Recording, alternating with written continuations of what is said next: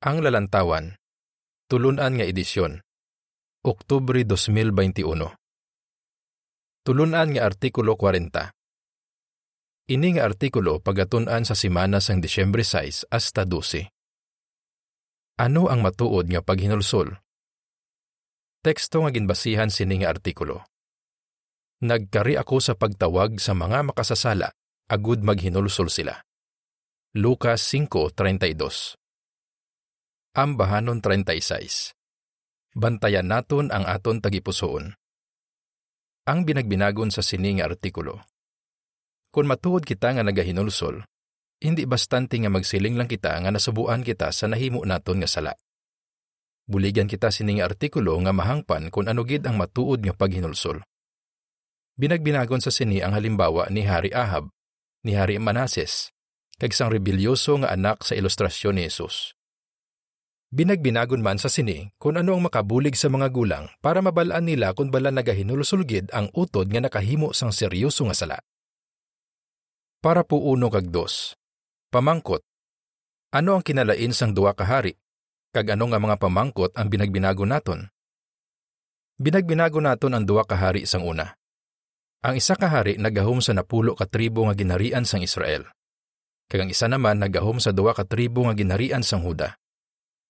Bisan pa hindi sila dungan nga nagkabuhi, madamo sila sing ginhimo nga pareho. Pareho nga nagrebelde kay Jehova ining duha ka hari.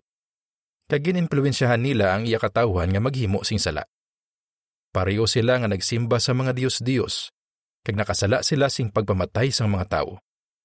Pero may kinalain man sa ila nga duha. Ang isa padayon nga naghimo sing malain hasta nga napatay siya. Pero ang isa naghinulusol kag ginpatawad. Sino sila? Ang isa amo si Ahab nga hari sang Israel, kag ang isa amo si Manasis nga hari sang Huda. Madamo kita sang matun-an sa kinalain nila nga duha parte sa importante gid nga topiko nga amo ang paghinulsol. Ano ang paghinulsol? Kag paano naton mapakita nga nagahinulsol gid kita? Dapat naton ini mabalan bangod gusto naton nga patawaron kita ni Jehova kung makasala kita. Para mabalan naton ang mga sabat sa sining nga mga pamangkot, binagbinago naton ang kabuhi sining duha ka hari kag kung ano ang matun-an naton sa ila. Dayon binagbinago naton ang gintudlo ni Hesus parte sa paghinulsol. Ang matun-an naton kay Hari Ahab.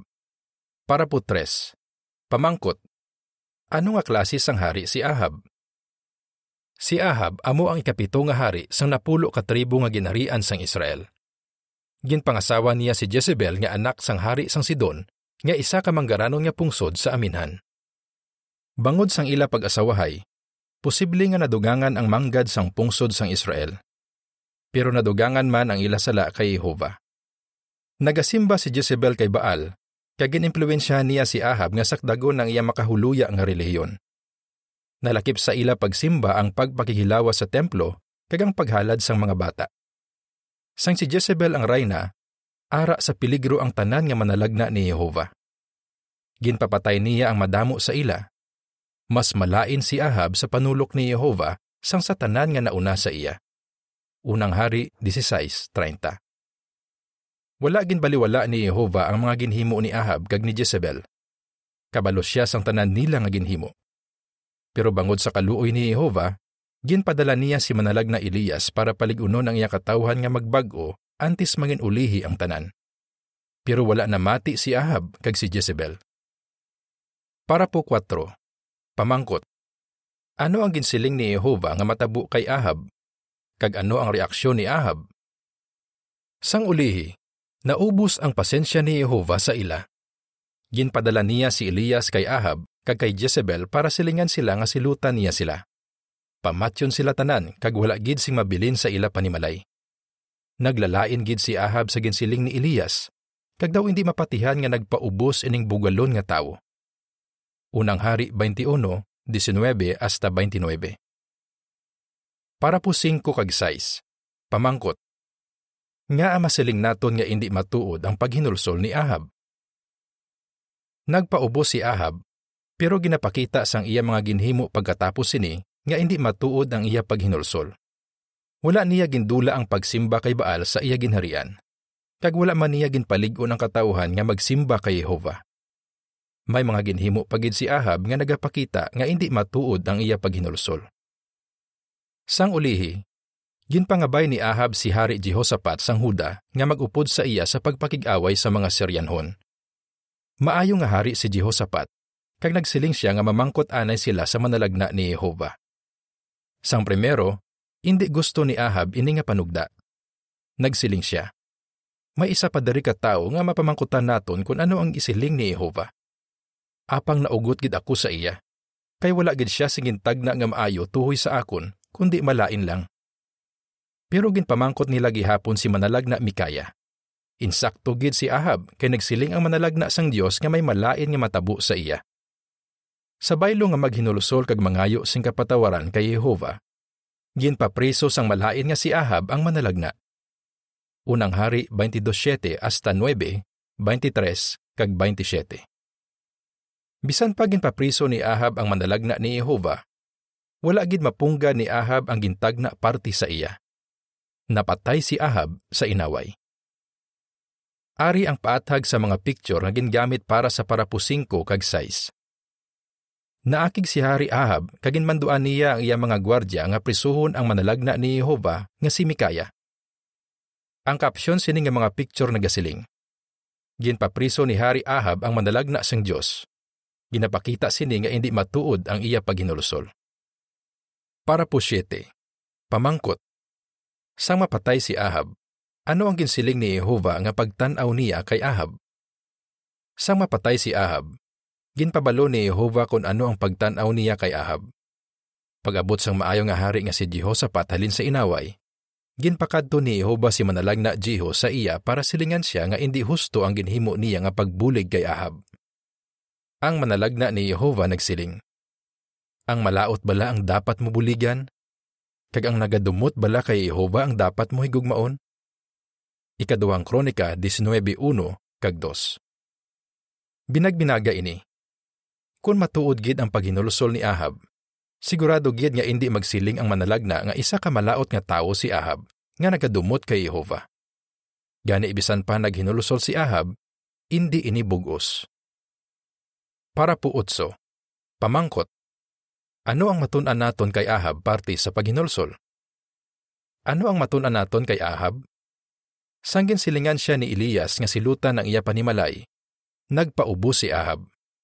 Maayo ining ginhimo niya. Pero ginapakita sa mga ginhimo niya sang ulihi nga hindi matuod ang iya paghinulsol. Gani kung nagahinulsol kita, hindi bastante nga ipakita lang naton o kung isiling nga nasubuan kita sa aton ginhimo. Binagbinago naman nato ng isa pa kahalimbawa nga makabulig sa aton nga mahangpan kung ano gid ang matuod nga paghinulsol. Ang matun-an naton kay Hari Manases. Para po 9. Pamangkot. Ano nga klase sang hari si Manases?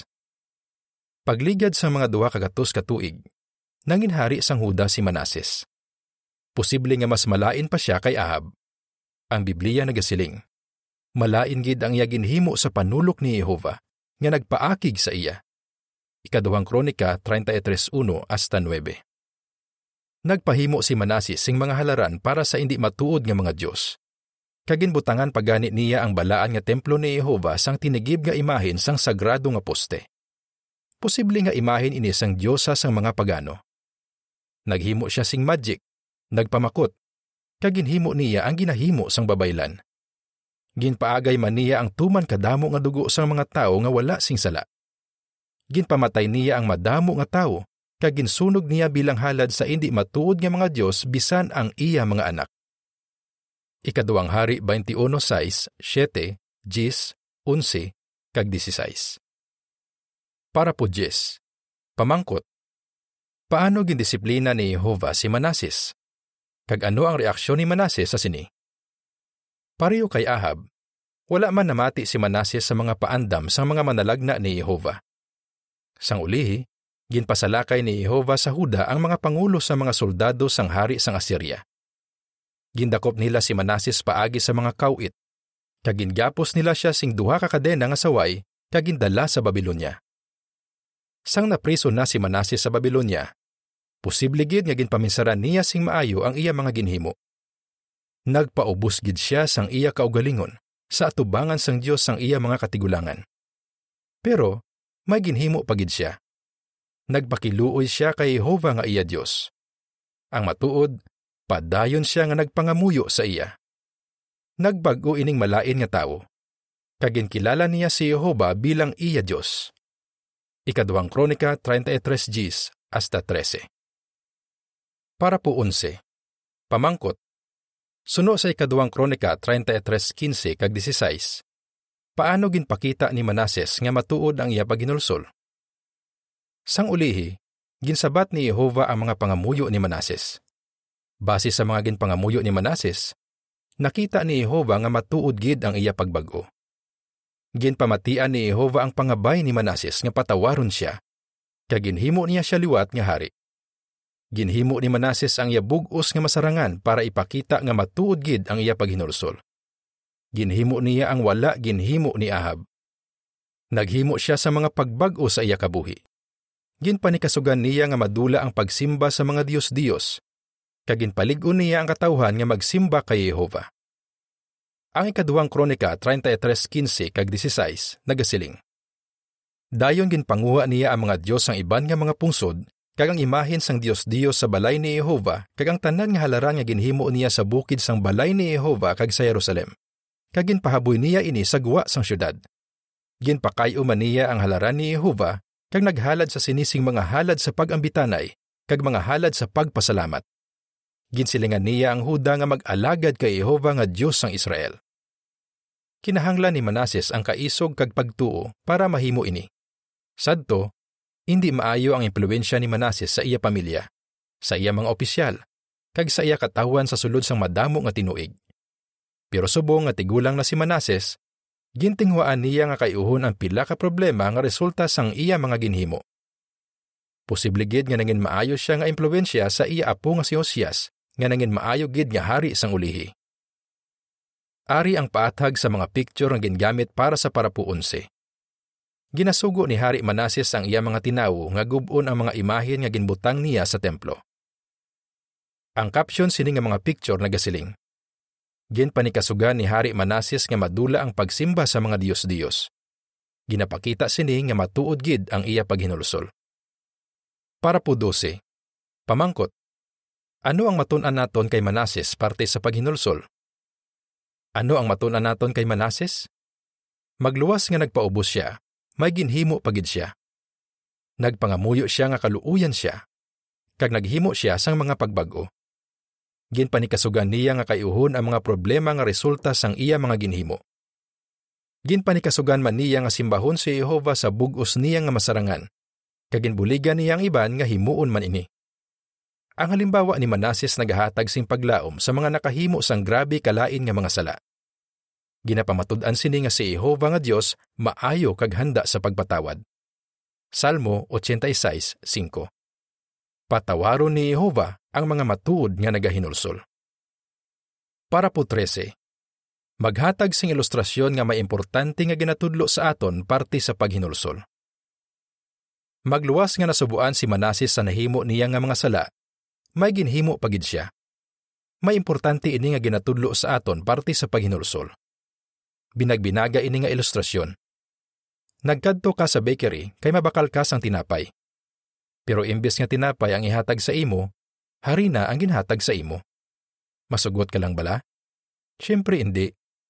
Ti ano abi kung hambalan ka sang nagabaligya nga importante ang harina para makahimo sang tinapay. Hindi mo gihapon ini pagbatunon.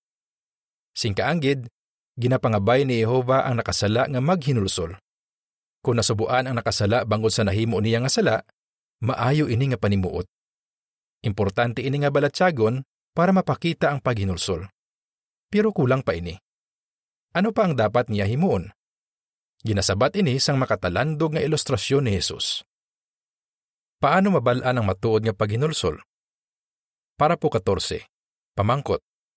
Sa ilustrasyon ni Jesus, ano ang mga ginhimo sang rebelyoso nga anak nga nagapakita nga nagahinulsol siya? Mabasa sa Lucas 15:11 hasta 32 ang makatalandog nga ilustrasyon ni Jesus parte sa rebelyoso nga anak. Ini nga pamatanon nagrebelde sa iya amay. Naghalin siya sa ilabalay, kay nagkadto siya sa malayo nga lugar. Dayon nangin immoral siya.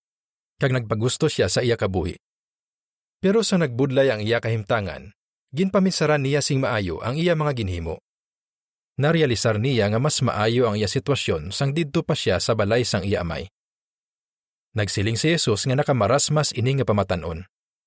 Gani nagdesisyon siya nga magpauli sa ila balay kag mangayo siya sing kapatawaran sa iya amay. Importante gid nga narealisar sang anak nga nakahimo siya sang indi maayo nga mga desisyon. Pero bastante na bala ini? Hindi kinahanglan niya maghimo sang mga pagbago. Para po 15. Pamangkot. Paano ginpakita sang rebelyoso nga anak sa ilustrasyon ni Jesus ang iya paghinulsol? Ginpakita sang rebelyoso nga anak nga sinsiro gid ang iya paghinulsol. Naglakbay siya sing malayo pabalik sa ilabalay. Dayo nagsiling siya sa iya amay. Nakasala ako sa langit kag sa imo. Hindi na ako takos tawgon nga imo anak. Lucas 15:21 Bangod sincero nga ginako sining pamatan-on ang iya sala, ginpakita niya nga gusto niya nga mangin maayo liwat ang iya kaangtanan kay Jehova. Nasubuan man siya nga nasakit niya ang balatyagon sang iya amay bangod sang iya mga ginhimo. Kag handa siya nga magpangabudlay para mangin maayo liwat ang iya kaangtanan sa iya amay. Nagsiling pagani siya nga kabigo na lang siya nga pareho sa mga tao nga ginasuhulan sang iya amay. Hindi lamang iniisa ka makatalandog nga sugilanon. Dako gid ang mabulig sini sa mga gulang Makabulig ini sa ila nga mabalaan kun bala matuod gid ang paghinulsol sang isa nga nakahimo sang seryoso nga sala. Ari ang paathag sa picture nga gingamit para sa parapo 14 kag 15. Kinapoy gid ang rebelyoso nga anak sa iya paglakbay sing malayo. Pero naumpawan siya sang nakita niya nga malapit na lang siya sa ila balay. Ang caption sini nga picture nagasiling. Sang nakamarasmas ang rebelyoso nga anak, naglakbay siya sing malayo pabalik sa ila balay. Para po 16. Pamangkot.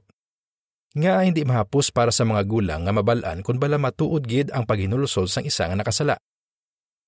Dapat mabalaan sa mga gulang kung bala matuod gid ang paghinulsol sang isa nga nakahimo sang seryoso nga sala. Pero hindi ini mahapos. Nga Hindi mabasa sa mga gulang ang tagipusoon. Gani dapat may makita sila nga pamatuod nga nagbag-o na ang ila utod kag nasubuan siya sa nahimo niya nga sala. Sa pila ka sitwasyon nga grabe gid ka seryoso ang sala nga nahimo sang isa ka utod, posible nga hindi makumbinsi ang mga gulang nga matuod gid ang iya paghinulsol. Para po 17. Pamangkot sa A. Ano nga halimbawa ang nagapakita nga bisan pa nasubuan gid ang nakasala, hindi ini bastante para pamatud-an nga sinsiro gid ang iya paghinulsol. Pamangkot sa B. Suno sa ikaduwang Korinto 7.11, ano ang dapat himuon sang matuod gid nga nagahinulsol? Binagbinaga ini nga halimbawa. Madamo nga beses nga nagpakigilay ang isa ka brother sa sulod sang madamo nga tinuig. Sa baylo nga magpabulig, gintago niya ang iya immoral nga ginahimo sa iya asawa, sa iya mga abyan, kag sa mga gulang. Sang ulihi, nabalan ini sa mga gulang. Sang ginpakita sa iya ang mga ebidensya, ginako niya ang iya sala, kag daw nasubuan gid siya. Pero bastante na bala ini? Hindi lang ang kasubo sa nakasala ang gusto makita sa mga gulang nga nagaasikaso sa sini. Hindi lang isa ka beses nga nakahimo siya sang sala bangod sang hindi husto nga desisyon. Sa baylo, madamo nga beses siya nga nakahimo sang seryoso nga sala sa sulod sang madamo nga tinuig. Wala niya gintuad ang iya sala. Sa baylo, nabalan ini sang iban kag ginsugid ini sa mga gulang. Dapat makita sa mga gulang ang mga pamatuod nga nagbag-o na gid ang pangunahuna, balatyagon, kag mga ginahimo sang utod nga nakasala. Ang ikaduwang Korinto 7.11 nagasiling. Tanawan ninyo ang dako nga kaukod nga resulta sang inyo kasubo sa Dios nun nga paagi. Huo, ang pamatud-an nga wala kamo sing sala. Huo, ang inyo kaakig sa sala. Huo, ang inyo kahadlok sa Dios. Huo, ang inyo hanuot nga handom. Huo, ang inyo kakugi. Huo, ang inyo pagtadlong sa sayo ang tanan ninyo nga ginhimo nagapakita nga putli kamo. Posible nga nagakinahanglan sang malawig nga tion para mahimo sang nakasala ini nga mga pagbago nga nagapamatuod nga matuod gid ang iya paghinulsol. Gani posible gid nga i-disfellowship siya sa kongregasyon hasta nga mapamatud-an niya ang iya paghinulsol. Para po 18. Pamangkot. Paano mapakita sang na-disfellowship nga matuod gid ang iya paghinulsol? Kag ano ang mangin resulta kung himuon niya ini? Para mapakita sang na-disfellowship nga matuod gid ang iya paghinulsol, dapat regular siya nga mag-attend sa mga meeting kag dapat niya sundon ang laygay sang mga gulang nga regular siya nga mga muyo kag magtuon sang Biblia. Dapat man siya magpanikasog nga likawan ang mga sitwasyon nga posible makasulay sa iya nga maghimo liwat sang sala. Kung himuon niya ang iya bugos nga masarangan para mangin maayo liwat ang iya kaangtanan kay Jehova, makasalig siya nga patawaron gid siya ni Jehova kag buligan siya sang mga gulang nga makabalik sa kongregasyon. Kung nagaasikaso sang seryoso nga mga sala, kabalo ang mga gulang nga indi pareho ang kada kaso. Gani ginausisa nila sing maayo ang kada kaso, kag wala sila nagapadaso-daso sa paghukom. Para po 19. Pamangkot. Ano ang matuod nga paghinulsol? Natuna naton nga para mapakita sang nakahimo sang seryoso nga sala nga matuod gid ang iya paghinulsol, hindi bastante nga magsiling lang siya nga nasubuan siya sa iya ginhimo. Dapat niya bag-uhon ang iya panguna-huna kag balatyagon, kag dapat mahimuon gid siya para pamatud-an ang iya paghinulsol. Nalakip sa sini ang pag-untat sa ginahimo niya nga sala, kag dapat niya himuon liwat ang mga ginapatuman ni Jehova. Ang Ezekiel 33:14 hasta 16 nagasiling. Kag kun magsiling ako sa malauton, mapatay ka. Apang nagtalikod siya sa iya sala, kag ginhimo ang husto kag matarong, kag ginuli ang garantiya sang nakautang sa iya, ginbalik ang ginpangawat niya, kag naglakat sa pagsulundan nga nagatuytoy sa kabuhi paagi sa indi paghimo sing malaot, mabuhi siya. Indi siya mapatay. Wala sing sala ang ginhimo niya nga sukton sa iya. Bangod ginhimo niya ang husto kag matarong, padayon siya nga magakabuhi dapat panikasugan sang nakasala nga mangin maayo liwat ang iya kaangtanan kay Jehova. Amo ini ang pinakaimportante niya nga dapat himuon. Buligi ang mga nakasala nga maghinulsol. Para po 20 kag 21. Pamangkot. Paano naton mabuligan ang nakahimo sang seryoso nga sala? May ginsiling si Jesus nga isa ka importante nga hilikoton nga nalakip sa iya pagministeryo. Nagsiling siya, Nagkari ako sa pagtawag sa mga makasasala, agud maghinulsol sila. Lucas 5:32. Dapat manaton initingwaan nga himuon. Ano abi kung ang aton suod nga abyan nakahimo sang seryoso nga sala? Ano ang dapat naton himuon? Kung taguon naton ang iya sala, mahalitan lang ang aton abyan. Hindi naton ini matago kay nagatan-aw si Jehova. Mabuligan mo ang imo abyan kung ipahanamdo mo sa iya nga gusto siya buligan sang mga gulang. Kung hindi gusto sang imo abyan nga magtuad sa mga gulang, dapat mo ini isugid sa mga gulang. Kung himuon mo ini, ginapakita mo nga gusto mo gid siya buligan. Kung hindi siya mabuligan, posible gid nga maguba ang iya kaangtanan kay Jehova. Para po 22. Pamangkot. Ano ang binagbinago naton sa masunod nga artikulo? Pero ano abi kung magdesisyon ang mga gulang nga i-disfellowship ang nakasala bangod seryoso gid ang nahimo niya nga sala kag madugay na niya ini nga ginahimo. Buot bala silingon sini nga wala nila siya ginpakitaan sang kaluoy? Sa masunod nga artikulo, binagbinago naton ang maluluyon nga paagi ni Jehova sa pagdisiplina sa mga nakasala. Kag kung paano naton mailog si Jehova. Ano ang imo sabat? Ano ang matun-an naton kay Hari Ahab parte sa paghinulsol? Nga masiling naton nga matuod gid ang paghinulsol ni Hari Manases. Ano ang matun-an naton sa rebelyoso nga anak sa ilustrasyon ni Jesus parte sa paghinulsol? Ang bahanon 103. Mga manugbantay, dulot nga mga lalaki. Diri natapos ang artikulo.